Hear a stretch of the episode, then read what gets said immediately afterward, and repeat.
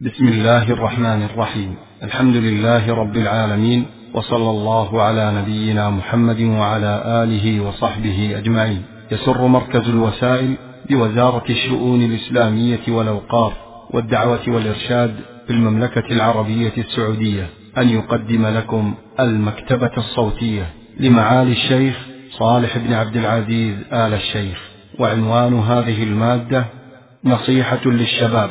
بسم الله الرحمن الرحيم. الحمد لله حق الحمد وأوفاه وأشهد أن لا إله إلا الله وأشهد أن محمدا عبده ورسوله ومصطفاه صلى الله عليه وعلى آله وصحبه ومن اهتدى بهداه. أما بعد فأرحب بالإخوة. أكمل ترحيب وأجمله.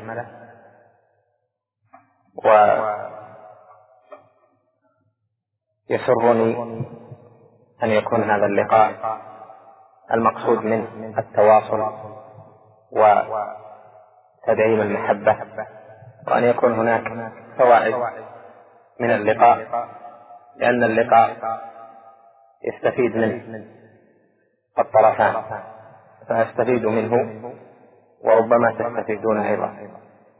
وذلك لأن التقاء الشباب وطلبة العلم والتقاء الحريصين على الدعوة في البلاد الإسلامية والبلاد العربية وأهل الجوار بخصوصهم فيه فوائد كثيرة.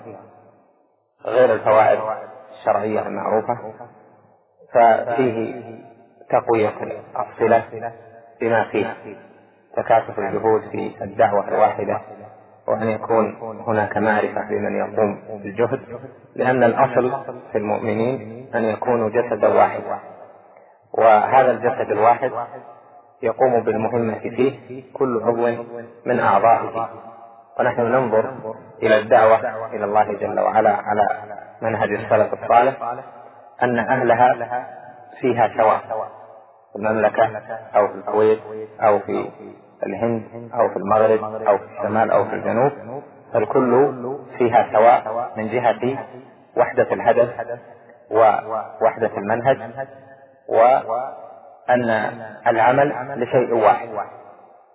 وبالتالي فالتنسيق في الجهود والعمل وأن يكون المنهج واحدا والهدف واحدا والطريق واحدة ييسر أن يكون الجميع على تواصل مستمر وعلى أن لا تتكرر الجهود لأننا نرى أن المشكلة اليوم في الذين يعملون للإسلام على منهج صحيح أنهم غير مرتبين جهودهم مكررة وأعمالهم ربما كرر بعضها بعضا وربما تنافسوا في غير مجال التنافس. ولهذا نقول في هذه اللقاءات فتح باب التنسيق وفتح باب التواصل وأن يكون العمل مرتبا وأن يكون أصحاب الدعوة السلفية الحقة على طريقة واحدة غير متنازعين ولا مختلفين ولا متنافسين في غير ما يكون التنافس المألوم به فيه. من ما ينبغي التواصي به في هذا الباب أن الأصل في الشريعة أنها جاءت لإخراج المكلف عن داعية هواه. كما قال الشاطبي رحمه الله في الموافقات الغرض من الشريعة إخراج المكلف عن داعية هواه يعني أن يكون فيما يأتي وفيما يذر ويعظم الأمر بعظم القضية التي يأتيها أن يكون على وفق الشرع وأن يطرح هواه جانبا والهوى بمعنى الرغبة أن يطرح رغباته جانبا وأن ينظر فيما تدل عليه الشريعة في النص من الكتاب أو السنة أو الإجماع أو كلام الصحابة الذي لا خلاف فيه أو ما عليه أئمة أهل السنة والجماعة ودونوه في عقائدهم وهذا يجعل المنهج منهجا واحدا لأن تعاطي ما ذكرت في إخراج نفسك عن داعية الهوى يجعل الطريق واحد لأن الكتاب والسنة وإجماع السلف وهدي الصحابة المتفق عليه وما قاله أئمة أهل السنة والجماعة لا يختلف هو شيء واحد وإنما يأتي الاختلاف من دخول الرغبات التي ربما خرج بها أصحابها عن ما دلت عليه النصوص في الكتاب والسنة. وهذا هو مدلول قول الله جل وعلا وما كان لمؤمن ولا مؤمنة إذا قضى الله ورسوله أمرا أن يكون لهم الخيرة من أمرهم.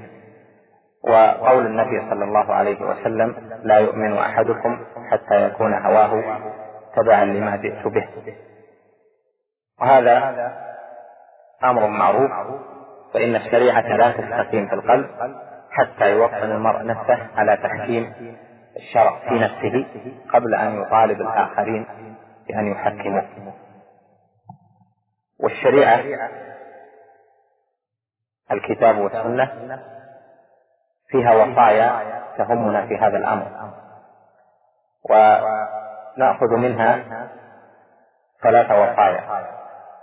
الأولى وحدة السبيل وهي الجائية في قوله تعالى وأن هذا صراطي مستقيما فاتبعوه ولا تتبعوا السبل فتفرق بكم عن سبيله. والثانية في قوله تعالى فاتقوا الله وأصلحوا ذات بينكم وأطيعوا الله ورسوله. والثالثة في قوله جل وعلا وقل لعبادي يقول التي هي أحسن إن الشيطان ينزع بينهم أما الأولى فإن السبيل سبيل الحق والإيمان واحدة غير متعددة يعني في أصولها. الأصول واحدة غير مختلفة. وما يسوغ الاجتهاد فيه هذا لا يخرج المجتهدين عن الطريق الواحد. فقوله تعالى وأن هذا صراطي مستقيما فاتبعوه. يعني اتبعوا هذا الصراط الواحد. ولا تتبعوا السبل فتفرق بكم عن سبيله. وهذا السبيل الواحد ميادينه شتى كثيرة. كل واحد منا لو عمل في واحد منها لاستغرق جهده. فسبل الله جل وعلا التي هي في داخل ذاك السبيل من الطاعات والعبادات والأعمال الصالحة متعددة. كما قال جل وعلا والذين جاهدوا فينا لنهدينهم سبلنا. وإن الله لمع المحسنين. قال العلماء قوله لنهدينهم سبلنا يعني السبل التي في السبيل الواحد وهي سبل الطاعات والاستباق في الخيرات فهي متعددة وكل يأخذ بما فتح الله جل وعلا عليه فيه. ولهذا لما قيل للإمام مالك رحمه الله تعالى أنت مالك بن أنس الذي إليه يرنو الناس بأبصارهم ونراك مقتصرا على العلم ونراك ضعيفا في غيره فلست من أهل الجهاد الذين يرابطون في الثغور ولست كذا ولست كذا فقال مالك رحمه الله بفقهه وعظيم علمه. يا فلان إن الله جل وعلا فتح لبعض عباده سبيل الصلاة فتعبدوا بها. يعني النفل وفتح لبعض عباده سبيل الصدقات فتعبدوا بها. وفتح لبعض عباده سبيل الجهاد فتعبدوا به. وإن الله جل وعلا فتح لي باب العلم فرضيت بما فتح الله لي. وهذا يجعل كل من يروم نصرة هذا الدين أن يكون في تكامل مع إخوانه. وأن لا يظن أن الجميع من المسلمين يجب أن يكونوا شيئا واحدا أن يكونوا جميعا طلبة علم أو أن يكونوا جميعا أهل حركة. أو أن يكونوا جميعا أهل أسفار أو أن يكونوا جميعا أهل كذا. هذا غير متهيأ والشريعة كما نعلم حضت على أنواع كثيرة من العبادات ومن أتى ببعض النوافل لا يلام أن ترك بعضا لأن الله جل وعلا قسم بين الناس أخلاقهم وأرزاقهم. لهذا نقول هذه الآية فيها فوائد. الفائدة الأولى فيها أن سبيل الحق واحد غير متعدد. كما قال كما قال ابن القيم رحمه الله في نونيته فلواحد كن واحدا في واحد أعني سبيل الحق والإيمان. وهذا السبيل الواحد نحن نتكامل فيه. بعضنا يرتبط ببعض فيه ولا يلوم بعضنا بعضا فيه. إذا كان على السبيل الواحد الذي هو سبيل الحق والإيمان. فمن كان على منهج السلف الصالح وعلى سبيل السنة فإنه من أتى ببعض ما يجب عليه ببعض ما يستحب له وببعض الواجب الكفائي وترك بعض الواجب الكفائي لغيره فإنه لا يلام. وكذلك من أتى بما يستطيعه وما فتح له فيه من أنواع الجهاد أو الدعوة أو الخير فإنه يعان على ذلك. فنحن نتكامل في هذا ونسعى فيه. وهذا يرتب أن يكون هناك معرفة بالطاقات طاقات الشباب وما يتميز به كل واحد. فمنهم من يكون متميزا في العلم فيحث عليه ويشجع فيه حتى ينشره في الأمة. ومنهم من لم يفتح له باب العلم فيحث على ما يتميز فيه لأن الله جل وعلا يحب إذا عمل أحد أحدنا عملا أن يتقنه. كما جاء في الحديث الحسن إن الله يحب إذا عمل أحدكم عملا أن يتقنه. والوصية الثانية هي في قوله جل وعلا فاتقوا الله وأصلحوا ذات بينكم. وأطيعوا الله ورسوله.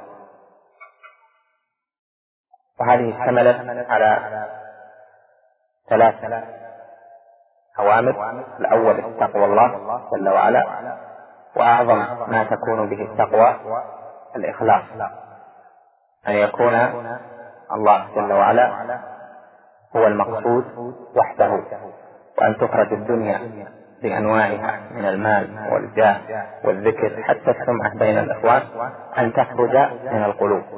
وأنه إذا رضي الله جل وعلا عن العبد فإن هذا يكفي. وإذا علم الله صنيع العبد فإن هذا يكفي. ولو لم يطلع عليه أحد.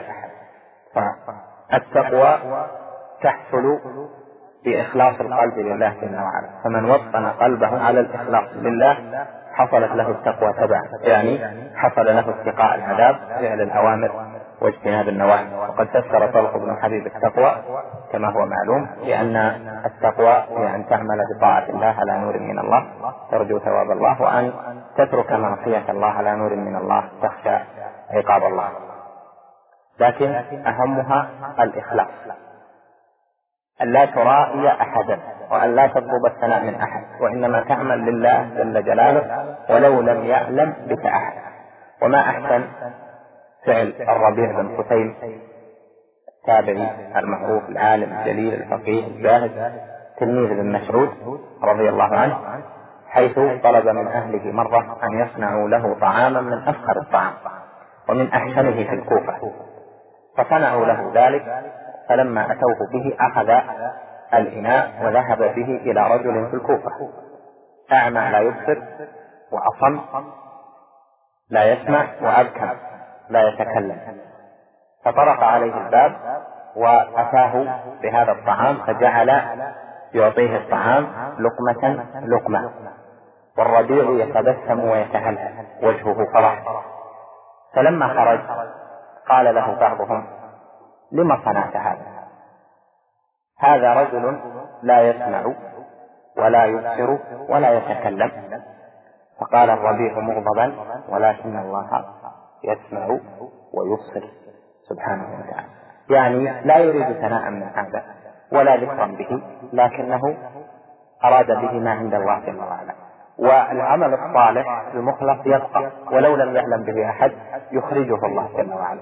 وهذا كثير في الناس.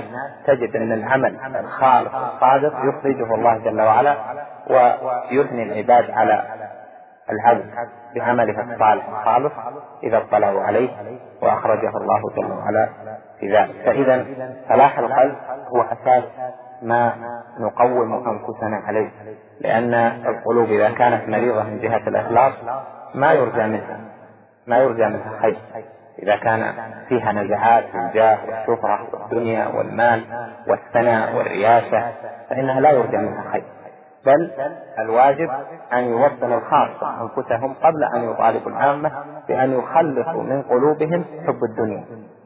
إذا خرجت الدنيا من القلوب حصل للعبد فتوح من الخير العلمية والعملية. والله جل وعلا رقيب العباد مطلع على الأنفس. والثانية في الآية هي الوصية بإصلاح ذات البين فاتقوا الله وأصلحوا ذات بينكم. وإذا كان كما هو معروف في سبب نزولها أنهم لما اختلفوا على الأنفال في غزوة بدر وحصل بين بعضهم وبعض كلام وهذا يخطئ هذا وهذا يخطئ هذا. فأمر الله جل وعلا بتقواه وإصلاح ذات البيت وطاعة الله جل وعلا وطاعة رسوله وطاعة رسوله صلى الله عليه وسلم في قسمة الأنفال وتركها لله جل وعلا ولرسوله صلى الله عليه وسلم. فدل هذا على عظم هذا الأمر وهو إصلاح ذات البيت. فإن المرء أعظم ما يتقرب إلى الله جل وعلا به في الحقوق العامة للناس أن يسعى في إصلاح ذات البيت.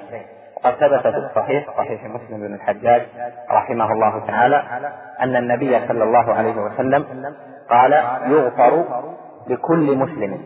يشهد أن لا إله إلا الله وأن محمدا رسول الله كل يوم اثنين. إلا رجل كانت بينه وبين أخيه خصومة. فيقال أنظروا هذين حتى يصطلحا. أركوا هذين حتى يصطلحا يعني أخروا هذين فلا تغفر لهم الذنوب حتى يصطلحا ولهذا من أسباب مغفرة الذنوب إصلاح ذات البين. وأن لا يكون بينك وبين أحد من أهل الدنيا أحد من المسلمين شحنة بسبب الدنيا. أما إذا كانت بسبب حق الله جل وعلا هذا فيه تفصيل كما هو معروف في باب الحج وأما أن أن يتخاصم اثنان ولا يسلم هذا على هذا ولا هذا أدري أن هذا غمزه مرة بكلمة وهذا مرة قدح فيه في مكان بكلمة ونحو ذلك فهذا ليس من صنيع أهل الإيمان أن يتهاجروا في الدنيا. بل إذا حصل الهجر الشرعي فإنه يكون بشروطه ودواعيه المأذون بها شرعا. والمسلم لا يحل له أن يهجر أخاه المسلم فوق ثلاث يعني لأمر من أمور الدنيا. لك إذا اعتدى عليك في عرضك أو أخطأ عليك في نفسك وسمعت هذا منه أو حصل بينك وبينه خصومة أن تهجره لحق نفسك ثلاث إلى ثلاث فقط. ومن عفا وأصلح فأجره على الله. أما ما هو أكثر من الثلاث فلا يجوز يحرم ومن فعله يعني هجر أخاه فوق ثلاث لحظ من حظوظ الدنيا فإنه داخل في من هجر المسلم بغير حق وممن لم يصلح ذات البيت. وأمر جل وعلا بطاعة الله ورسوله فقال وأطيعوا الله ورسوله وهذه عامة تدخل فيها الواجبات والنوافل أما الوصية الثالثة في آية الإسراء فهي قوله جل وعلا وقل لعبادي يقول التي هي أحسن. إن الشيطان ينزغ بينهم. ومعلوم أن المسلم مع المسلم يسعى في نصحه كما قال تميم الداري رحمه الله رضي الله عنه ورحمه أن النبي صلى الله عليه وسلم قال الدين النصيحة. ثلاثة. قلنا لمن يا رسول الله؟ قال لله ولرسوله ولكتابه ولأئمة المسلمين ولعامته والنصيحة لعامة المسلمين أن تخلص قلبك من الغش لهم. وإذا خلصت القلب من الغش لهم فإنك تبذل لهم النصيحة الخاصة. هي أمرهم بالخير وحثهم عليه. لكن أصل النصيحة أن تخلص القلب من الغش له يعني خالف ذلك من ترك قلبه يظن من ترك قلبه في حق إخوانه المسلمين لا يروم له أن يكون أفضل مما يكون. يفرح بزلته فإذا زل قال أحسن. هذا يخالف النصيحة. وإذا أخطأ قال طيب إنها أخطأ. وهذا يخالف النصيحة. والله جل وعلا بين لنا في المقال وفي الفعال ما يجب من حق المسلم على المسلم. ومعلوم أن أفضل عباد الله هم الصالحون. والله جل وعلا أثنى على على بعض الأنبياء بأنهم صالحون. والصالح من هو؟ الصالح هو القائم بحقوق الله وبحقوق عباده. فمن كان تقيا في حق الله لكنه في حقوق العباد. ليس بتقي فإنه ليس بصالح. وإن كان أثر السجود في وجهه وريقه ناشف من أثر الصيام. فإن من قام بحق الله وحق عباده فهو الصالح. ومن فرط في حق الله فليس بصالح يعني بشروطه المعروفة ومن فرط في حق العباد فليس بصالح بشروطه المعروفة.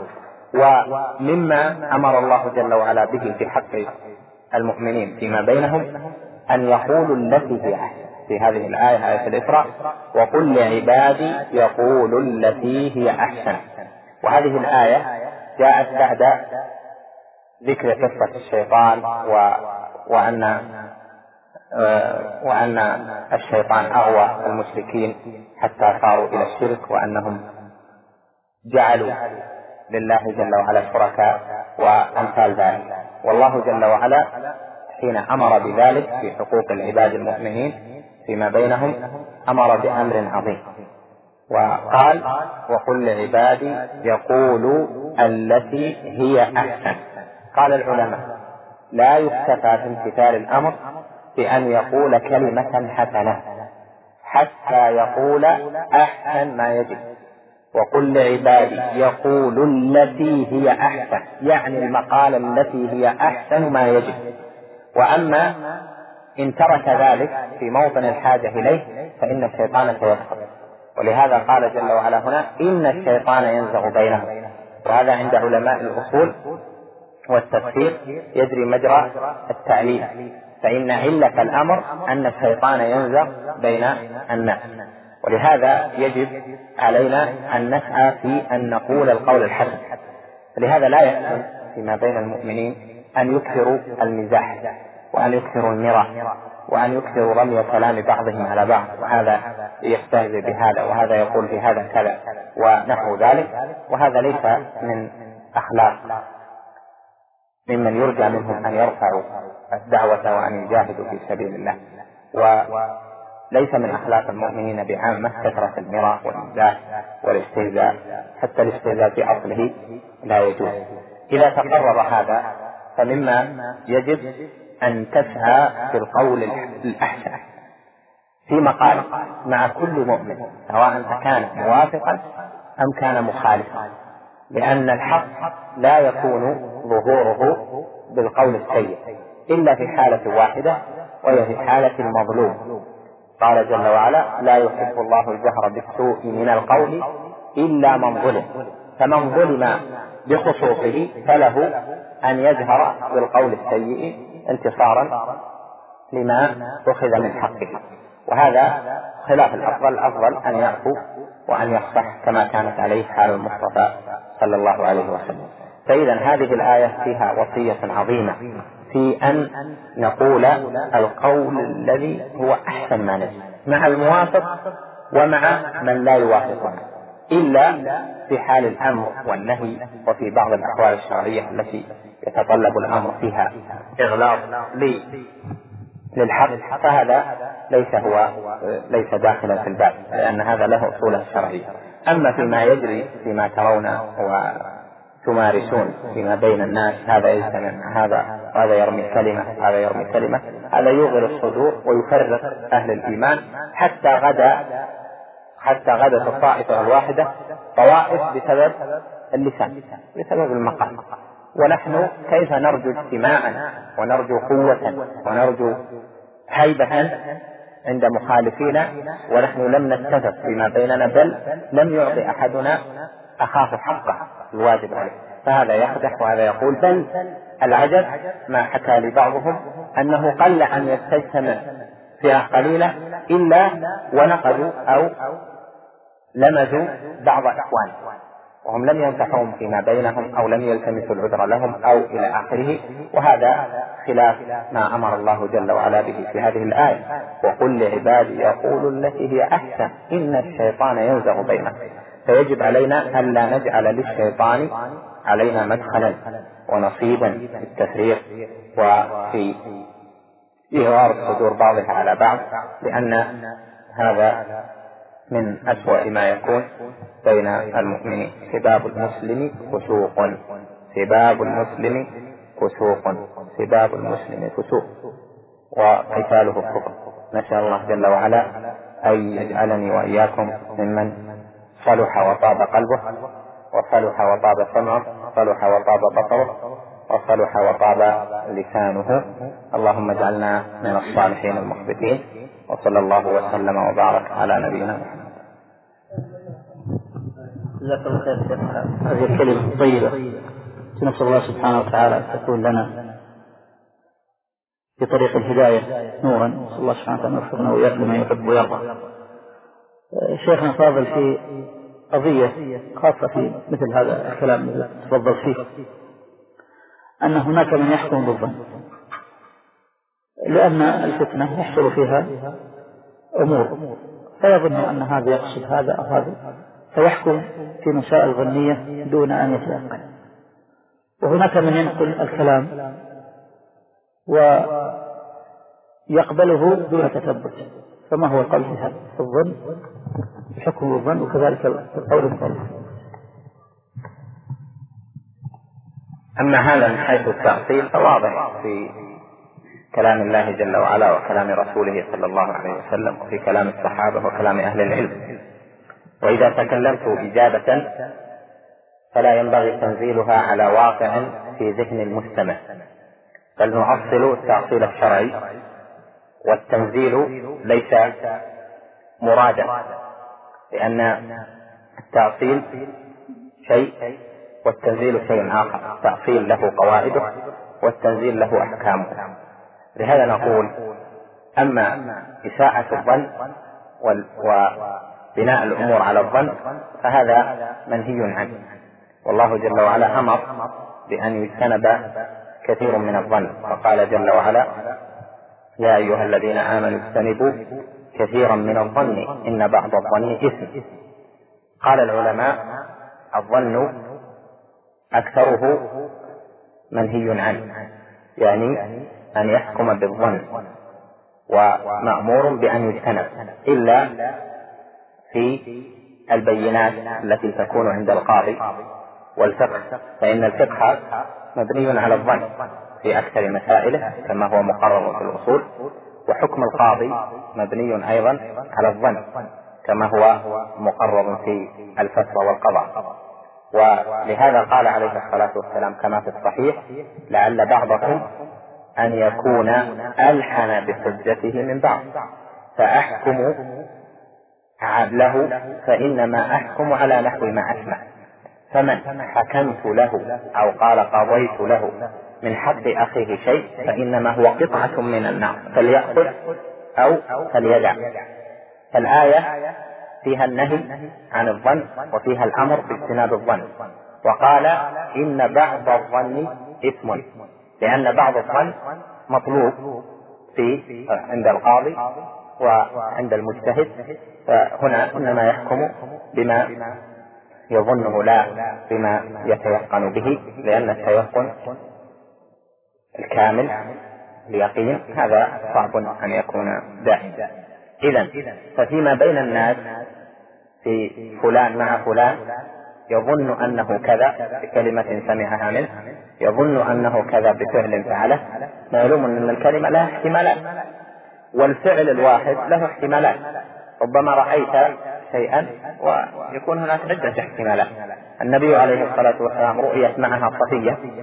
رؤيت معه صفية. فأطرق الصحابيان فقال عليه الصلاة والسلام على رسلكما إنها صفية. فقالوا سبحان الله يا رسول الله. قال إن الشيطان يجري من ابن آدم مجرى الدم.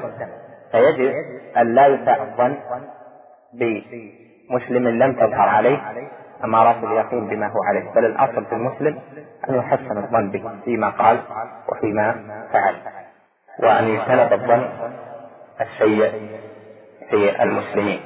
ولهذا روى الإمام أحمد في الزهد وغيره أن عمر رضي الله عنه قال وأيضا تنسب إلى غير عمر رضي الله عنه قال لا تظنن بكلمة خرجت من أخيك سوءا وأنت تجد لها في الخير محملا. كذلك في الأعمال لا في الأقوال ولا في الأعمال يجتنب الظن. وإذا كان الظن الذي يخطر بالبال لا يجوز لأن الظن في النفس وأن في القلب. فكيف بالظن الذي ينبني عليه أفعال التصرفات ولا شك أن هذا أعظم حرمة. الظن الذي تعتمد عليه وتبني عليه حكمك فيه وتبني عليه تصرفك معه وتبني عليه نقلك للآخرين في رأيك في فلان بناء على ظن ظننته في قوله أو على ظن ظننته في فعله فهذا لا يجوز حتى يكون برهان بين.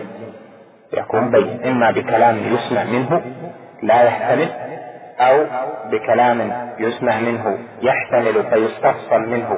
فيقول أنا كذا مما هو لا يجوز أو بكلام كتبه يحتمل أو لا يحتمل أو كلام كتبه يحتمل فاستفصل منه فقال أنا أريد كذا.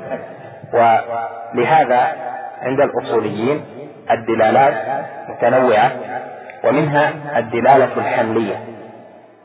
والدلالة الحملية هي التي يحمل عليها الكلام. فيقال إن الكلام إذا أفرد كان له معنى وإذا حمل بعضه على بعض كان له معنى. فينظر في الكلام ما يحمل عليه بسياقه وبلحاقه. فإذا كان يوضح المراد فيبين ذلك. وهذا أخطأ فيه بعض المعاصرين فظنوا أن الكلام يجب أن يكون صوابا في أفراده وفي حمله. وهذا ليس بواجب مطلقا لأن الكلام يفسر بعضه بعضا. ولهذا نقول الحكم على الناس الحكم على الأشياء بناء على الظن لا يجوز شرعا بل لا بد أن يكون على اليقين إلا من كان أصله. يعني الظن فيه تبع لأصل ما هو عليه فهذا الأصل يتبعه فروعه. نعم. نقول من غير تثبت. نعم. النقل من غير تثبت؟ أما النقل من غير تثبت الله جل وعلا كرهه في قلوبنا بجعل الناقل من غير تثبت فاسقا. ويكفي في هذا ما يحمل القلوب على كرهه. فقال جل وعلا يا أيها الذين آمنوا إن جاءكم فاسق بنبأ فتبينوا. في القراءة الأخرى فتثبتوا. أن تصيبوا قوما بجهالة فتصبحوا على ما فعلتم نادمين. فجعل صفة الذي ينقل بلا تثبت جعله فاسقا. وهذا مما يجعل هذا الفعل يكرهه كل من في قلبه إيمان لأنه آمن أن يخرج من الفسوق. ولهذا سبيل الخلاص من ذلك أن تنقل ما يحتاج في نقله شرعا وما لا يحتاج إليه تكتمه ومن حدث بكل ما سمع فهو أحد الكاذبين أو أحد الكاذبين. وكفى بالمرء إثما أن يحدث بكل ما سمع كما ثبت في الأحاديث. لهذا ما تسمعه يجب أن لا تنقله أنك قد تتعرض للإثم إلا فيما المصلحة الشرعية في نقله. وما المصلحة الشرعية في نقله؟ أحد ثلاث صور. وهي الجائية في قوله تعالى في سورة النساء لا خير في كثير من نجواهم إلا من أمر بصدقة أو معروف أو إصلاح بين الناس. فمن نقل قولا لا يريد به الصدقة بمفهومها الواسع ولا يريد به المعروف ولا يريد به الإصلاح بين الناس فإنه ليس على خير بل هو آثم بما نقل وإن خرج سالما فقد لا يخرج المرة الأخرى سالما. لهذا على كل محب لنفسه ولنجاتها أن لا ينقل إلا ما هو يقين جدا مما سمع وما هو يقين ينقل منه ما كان داخلا في أحد الثلاث لأنه قال لا خير في كثير من نجواهم إلا من أمر. هذه فيها خير وغيرها قد يكون مباحا وقد يكون إثما وهو الأكثر أحسنت الشيخ بارك الله فيك. في قضية وهي كثر حولها الجدل قضية الحجر. فالسؤال متى يهجر المبتدئ ومن الذي يحكم بالهجر ينبغي أن يكون السؤال ومن هو المبتدئ؟ لأن من الذي يحكم بالبدعة أولى من, من الذي يحكم بالهجر. أما حكم الهجر فهو فالهجر مشروع. والنبي صلى الله عليه وسلم هجر الثلاثة الذين خلفوا. كما تعلمون هجرهم شهرا أو أكثر. فدل على مشروعية الهجر يعني لأجل الدين لأجل الشرع. لأجل المصلحة الشرعية للمهجور. والنبي عليه الصلاة والسلام كانت حاله مع العصاة في عهده ومع المنافقين ومع المشركين متنوعة. الذين هجرهم هم بعض العصاة وليس كل عاص يهجر بل بعض أهل المعصية هو الذي يهجر. وكذلك المنافقون لم يهجرهم عليه الصلاة والسلام. والمشركون الذين قدموا عليه عليه الصلاة والسلام لم يهجرهم. والنصارى أيضا الذين قدموا عليه لم يهجرهم. فدل على القاعدة التي قعدها أهل العلم والأئمة من المحققين وقررها شيخ الإسلام ابن تيمية في مواضع لأن الهجر تبع للمصلحة الشرعية. وإنما يهجر من ينتفع بالهجر. وأما من لا ينتفع بالهجر فإنه لا يهجر لأن الهجر تعزير استصلاح. فإذا كان التعزير غير نافع فإنه لا يشرع لأنه عليه الصلاة والسلام لم يهجر الجميع. والهجر قد يكون بعمل قد يكون بقول قد يكون بترك السلام ترك رد السلام وقد يكون بعمل ترك دعوته ترك إجابة دعوته إلى آخر ذلك. فهذا مقيد بمن ينتفع به. المسألة الثانية من الذي يحكم بالبدعة؟ البدعة حكم شرعي. والحكم على من قامت به بأنها بأنه مبتدع هذا حكم شرعي غليظ. لأن الأحكام الشرعية تبع الأشخاص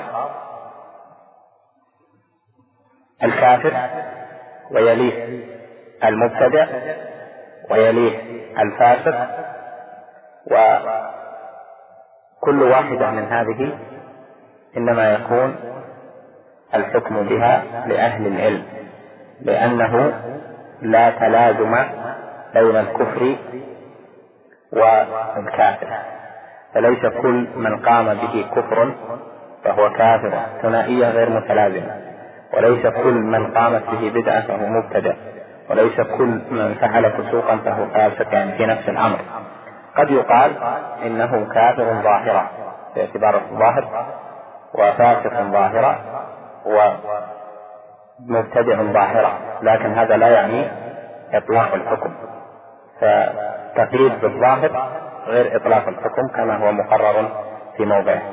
الحكم بالبدعة وبأن قائل هذا القول مبتدع أو أن هذا القول بدعة ليس إلى آحاد من عرف السنة وإنما هو لأهل العلم لأنه لا يحكم بذلك إلا بعد وجود الشرائط وانتفاء الموانع وهذه مسألة راجعة إلى أهل الفتوى لأن اجتماع الشروط وانتفاء الموانع من صنعة المفتي.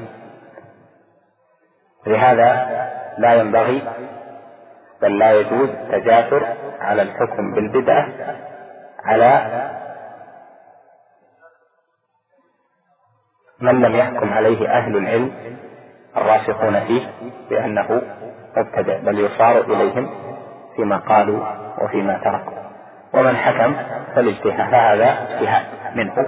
إن كان من أهل الاجتهاد فهو له لكن لا يتابع عليه يعني يعذر فيه لكن لا يتابع عليه لأن التبعية إنما هي لجمهور أهل العلم الراسخين فيه وإن كان من غير أهل الاجتهاد فقوله مردود عليه ويصبح اجتهادا في غير محله. جزاك الله خير يا شيخ بارك الله فيك. شيخ أثابك الله حديث الصحابي الذي رفع يعني آه الذي قال عند الرفع من السجود ربنا لك الحمد حمدا كثيرا طيبا مباركا فيه. الركن نعم. شيخ هذا فقرأه النبي صلى الله عليه وسلم مع العلم أنه لم يقله النبي صلى الله عليه وسلم ولم يعني علمه الصحابة هذا الدعاء لكن أقره فهل يسوق لكل مسلم أن يثنى على الله سبحانه وتعالى بثناء جميل في مثل هذا الموضع؟ الأذكار في الصلاة متنوعة مختلفة ففي عهده عليه الصلاة والسلام وعهد التشريع. قد يبتدئ أحد الصحابة قولا يجتهد فيه أو فعلا يجتهد فيه ولأن الزمن زمن تشريع فهو إما أن يقر عليه وإما أن لا يقر عليه. فإن أقر عليه صار تشريعا وإن لم يقر عليه صار ليس من الشرع. فمن الأقوال الذي ذكرته في هذه الحالة. وثناء عمر في أول الصلاة أيضا في الاستفتاح وفعل عمر أيضا في موافقاته المعروفة. فإذا نقول هذا يحمل على أن الزمن زمن تشفيع والنبي صلى الله عليه وسلم يقر ويشرع. هذا من جهة. ومن جهة أخرى فإن الثناء على الله جل وعلا في هذا الموطن بحمده مطلوب لأن الإمام يقول سمع الله لمن حمده فهذا حمد وأتى بالواجب ثم زاد حمدا خاصا فهو من النفل في الدعاء ومعلوم أن النفل في الدعاء يعني الزيادة على الواجب في الأذكار في الصلاة هذا للمرء أن يزيد فيه وإن كان الأفضل أن يتقيد بالواجب. وأيضا يقال هذا في بعض الروايات قالها بعد أن عطس فعطس ثم حمد الله جل وعلا بهذا الحمد. فالمقصود أن إرادة هذه لا إشكال فيه وأن المسلم ليس له أن يبتدئ ثناء على الله جل وعلا في الصلاة يستنير به ثناء الوارد. لكن إن أتى بما ورد ثم بقي وقت له أو أراد أن يطيل فيثني بما هو من جنسه فلا بأس بذلك لأنه نفل أو ثناء بعد الإتيان بالواجب فيقول مثلا رب اغفر لي رب اغفر لي رب اغفر لي بين السجدتين ثم يزيد ما شاء من الدعاء. يقول سبحان ربي الأعلى سبحان ربي الأعلى سبحان ربي الأعلى. ثم يزيد من التسبيح أو من الدعاء بما ورد أو بما لم يرد. ولا شك أن الأفضل دائما هو الوارد لأن فيه من كمالات المعاني وحسن الألفاظ والمباني ما ليس في دعاء غير المصطفى صلى الله عليه وسلم. شيخ بارك الله فيك. بعض الناس يعني يستدلون بالأحاديث العامة على اشياء مخصوصه مثلا الذكر عام وأمر مستحب. لكن يقولون مثلا ضد الصلاة لا إله إلا الله ألف مرة. ويلتزمون هذا الشيء؟ وإذا يعني قلت لهم الدليل في هذا يذكرون أنها أدلة عامة فالذكر أمر مطلوب. الاستدلال العمومات في هذا الأمر. لا شك أن الذكر مأمور به. قد قال جل وعلا يا أيها الذين آمنوا اذكروا الله ذكرا كثيرا وسبحوه بكرة وأصيلا. وقال جل وعلا والذاكرين الله كثيرا والذاكرات. أعد الله لهم مغفرة وأجرا عظيما. وهذا الأمر بذكره يكون مطلقا ومقيدا فهو مطلق بالنسبة للأزمان وبالنسبة للعبادات مقيد. فكما أنه لا يجوز لأحد أن يقول لا إله إلا الله ألف مرة في السجود أو في آه، الركوع لأنه خرج بذلك عن رسم الشريعة مع دخوله في العموم آه، فكذلك لا يجوز له أن يأتي بذكر في موطن جاءت السنة بالذكر فيه على نحو معين في خلاف ما هو بخلاف ما جاء في السنة. لهذا نقول هذه العمومات أو المطلقات في الآيات اذكروا الله ذكرا كثيرا. هذا مطلق. لأن النكرة في سياق الأمر تدل على الإطلاق لا العموم. وهذا الإطلاق يكون إطلاقا في الأزمنة وإطلاقا في العبادات. يعني يحتمل هذا وهذا أو هما جميعا. فنقول هذا بالنسبة للأزمنة صحيح. اذكروا الله ذكرا كثيرا في الأزمنة لأنه لا مقيد له. وأما في العبادات فقد قيدت قيد قيدت الصلاة بأذكار خاصة. فلا يعمل بالعموم لأن لا يعمل بالإطلاق لأن المقيد محكوم به على المطلق. كذلك ما بعد الصلوات. لا يحكم بالمطلق لأن المقيد محكوم به على المطلق كما هو مقرر في الأصول. هذا مأخذ. والمأخذ الثاني أن يقال إن الأمر بذكر الله جل وعلا وبتسبيحه امتثله النبي عليه الصلاة والسلام. ومن المتقرر عند الأصوليين أن امتثال الأمر يخرجه عن عمومه. فقوله جل وعلا يا أي ويخرجه عن إطلاقه. فقوله جل وعلا يا أيها الذين آمنوا إذا قمتم إلى الصلاة فاغسلوا وجوهكم وأيديكم إلى المرافق. وامسحوا برؤوسكم وأرجلكم إلى الكعبين هذا أمر لأن إذا قمنا إلى الصلاة فعلنا ذلك. ومعلوم أنه عليه الصلاة والسلام قام إلى بعض الصلوات ولم يفعل هذا. فدلنا على أن ما أمر فيه بقوله أو بفعل مطلق وجاءت السنة بتقييده في المقال أو بتقييده في الفعال فإنه يخرج عن إطلاقه ويصار إلى المقيد. وهذه الشبهة هي شبهة أهل البدع.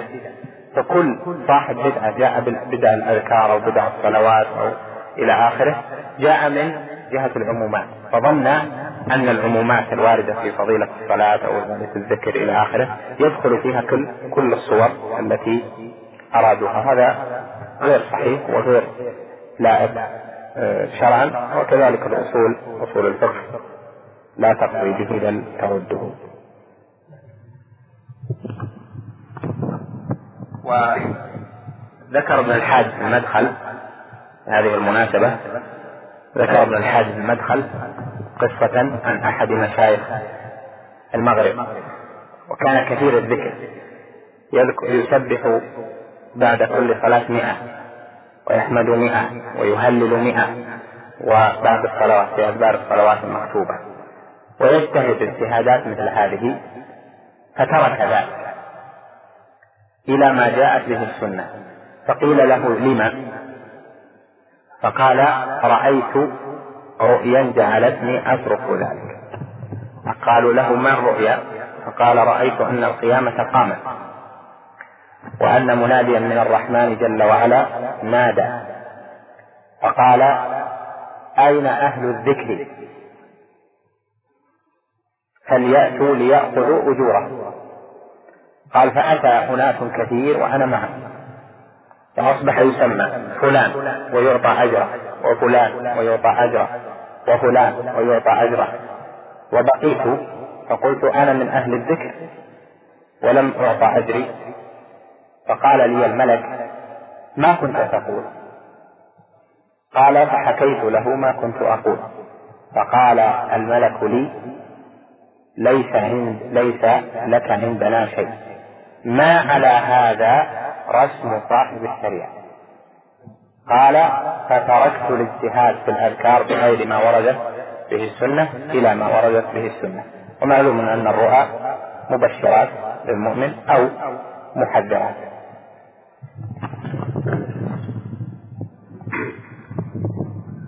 أحسن الله إليكم يا شيخ. نجد يا شيخ أن أمر الهجر أمر مشروع بل أنه قد يتوجه في بعض الأحيان ولكن شيخ هل يجوز تطبيق هذا الحكم؟ على إنسان عرف بالمنهج السلفي ودعوته العقيدة الصحيحة وتطبيقه والدعوة إليه والتدريس في هذا الباب؟ ولكنه بدر منه بعض الفتاوى التي خالفت بها خالف بها كبار علماء هذا العصر مثل قضية المظاهرات وجواز الاغتيالات هذه الأمور. والاعتصامات والإضرابات هل يحكم عليه بالهجر ويطبق هذا الحكم عليه؟ هل يمنع من حضور مجالسته وحضور دروسه خاصة بالعقدية وغير ذلك؟ أظنك يا أخي نسيت. أظنك يا أخي نسيت شرطي في أول اللقاء. بأن لا أسأل عن شخص. فنحن نتكلم بالعلم. والسؤال عن شخص قد يكون سؤالا عن اسمه وقد يكون سؤالا عن صفة يتشخص بها فلان دون غيره. وأنا لا أتكلم في هذا لأن مثل هذه الأمور ميدانها النصيحة لا ميدانها السؤال والجواب في مثل هذه المجال.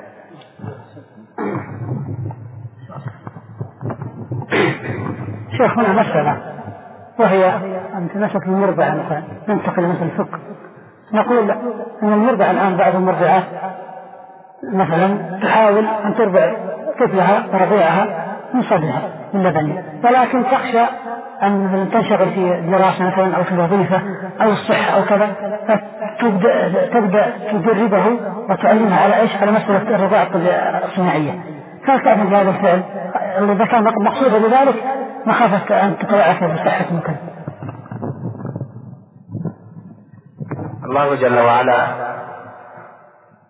حث على الإرضاع في حولين. فقال سبحانه والوالدات يرضين أولادهن حولين كاملين لمن أراد أن يتم الرضاعة فدلت الآية على شيئين. الأول على أن الإرضاع لمدة حولين. هذا متروك للوالد ومتروك للوالدة. متروك للأب وللأم. فإن أراد الرجل وأرادت المرأة أن يتم فلهما ذلك وإن أراد أن لا يتم فليس عليهما جناح بقوله إن أراد. لمن أراد أن يتم الرضاعة والفائدة الثانية قوله والوالدات يرضعن أولادهن. فدل على مشروعية الإرضاع.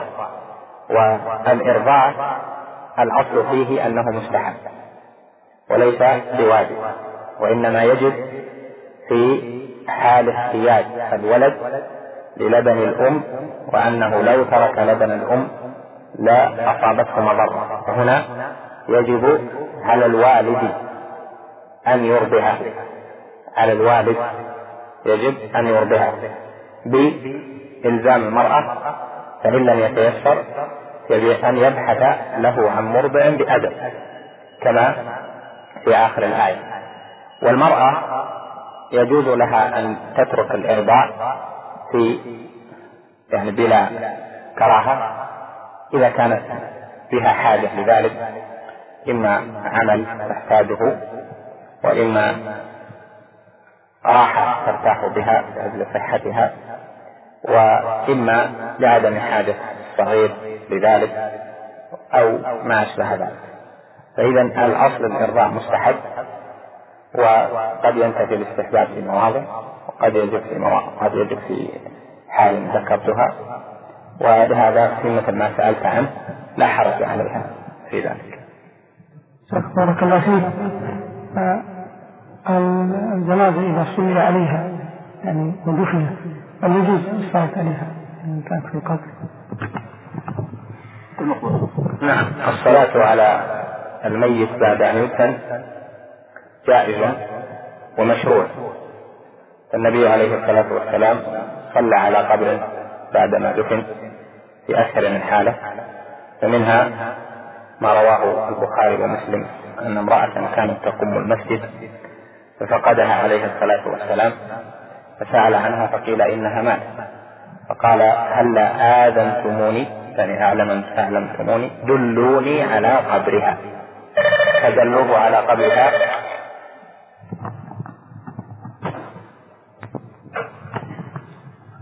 فذهب النبي عليه الصلاة والسلام إلى قبرها فصلى عليها والعلماء اختلفوا هل يصلوا على مدة الصلاة على القبر كم؟ فمنهم من قال إلى شهر بحديث مرسل رواه الترمذي وأنه أنه عليه الصلاة والسلام صلى على قبر بعد شهر. ومنهم من قال ما لم آه، ينشف القبر يعني في يوم أو يومين. وكل هذه لا هذه التقييدات لا معول عليها وإنما مشروعية الصلاة على القبر لمن لم يصلي عليه فمن لم يصلي عليه وأتى للبلد وأعلم بذلك أو لم يعلم بالصلاة عليه فعلم فله أن يذهب وأن يصلي عليه. حتى وإن على لمن لم يصلي فلا لا ما في ورد في النبي صلى الله عليه وسلم صلى على الشهداء الخليل بعد سبع سنوات. بعد ثمان سنوات. لكن لكن هذه المسألة هل هي صلاة صلاة جنازة أو هي دعاء؟ اختلف فيها العلماء لأن هؤلاء شهداء والأصل في الشهيد أن لا يصلى عليه النبي عليه الصلاة والسلام ترك الصلاة عليهم شهداء أحد وليس هم شهداء قليل هم شهداء. أحد ترك الصلاة عليهم. ثم لما كان بعد سبع سنين أو ثمان سنين يعني قبل وفاته عليه الصلاة والسلام بأشهر ذهب وصلى عليه. ولم تنقل صفة الصلاة. ولهذا اختلف العلماء في هذه المسألة على ثلاثة أقوال. منهم من قال هذه نسخ لعدم الصلاة على الشهيد. وهذا معناها مشروعية الصلاة على الشهداء. ومنهم من قال هذه الصلاة تفيد الجواز. جواز أن يصلى على الشهيد. والقول الثالث أن هذا هذه ليست بصلاة والشهيد لا يصلى عليه ولكن دعاء. دعاء ووداع. وأيد هذا الثالث وهو الصحيح قوله في الحديث الذي في البخاري قال كالمودع له. كالمودع له. ومعلوم أن المودع يودع بكلام لا بصلاة. فقوى هذا على أنهم أنه لم يصلي عليه. صلاة الجنازة المعروفة وإنما كان دعاء. وهناك أيضا بحث لأنه جاء في بعض الروايات ما يخالف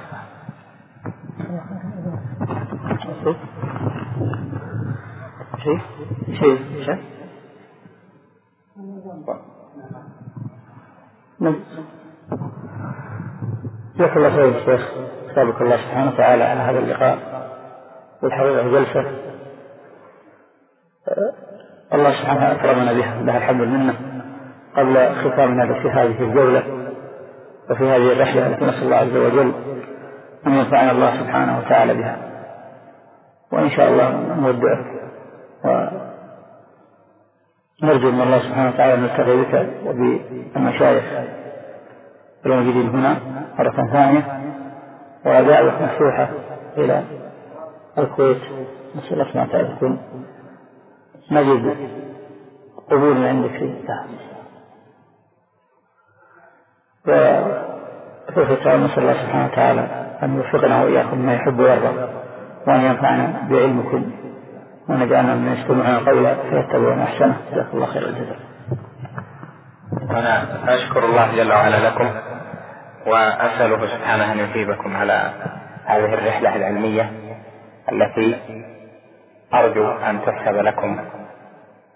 خطواتكم فيها أجرا وحسنات وثوابا وأن لا يكلكم الله جل وعلا إلى أنفسكم. كما أكرر الوصية بالتؤدة والرفق في الأمر كله. كما قال عليه الصلاة والسلام إن الرفق ما كان في شيء إلا زانه ولا نزع من شيء إلا شانه.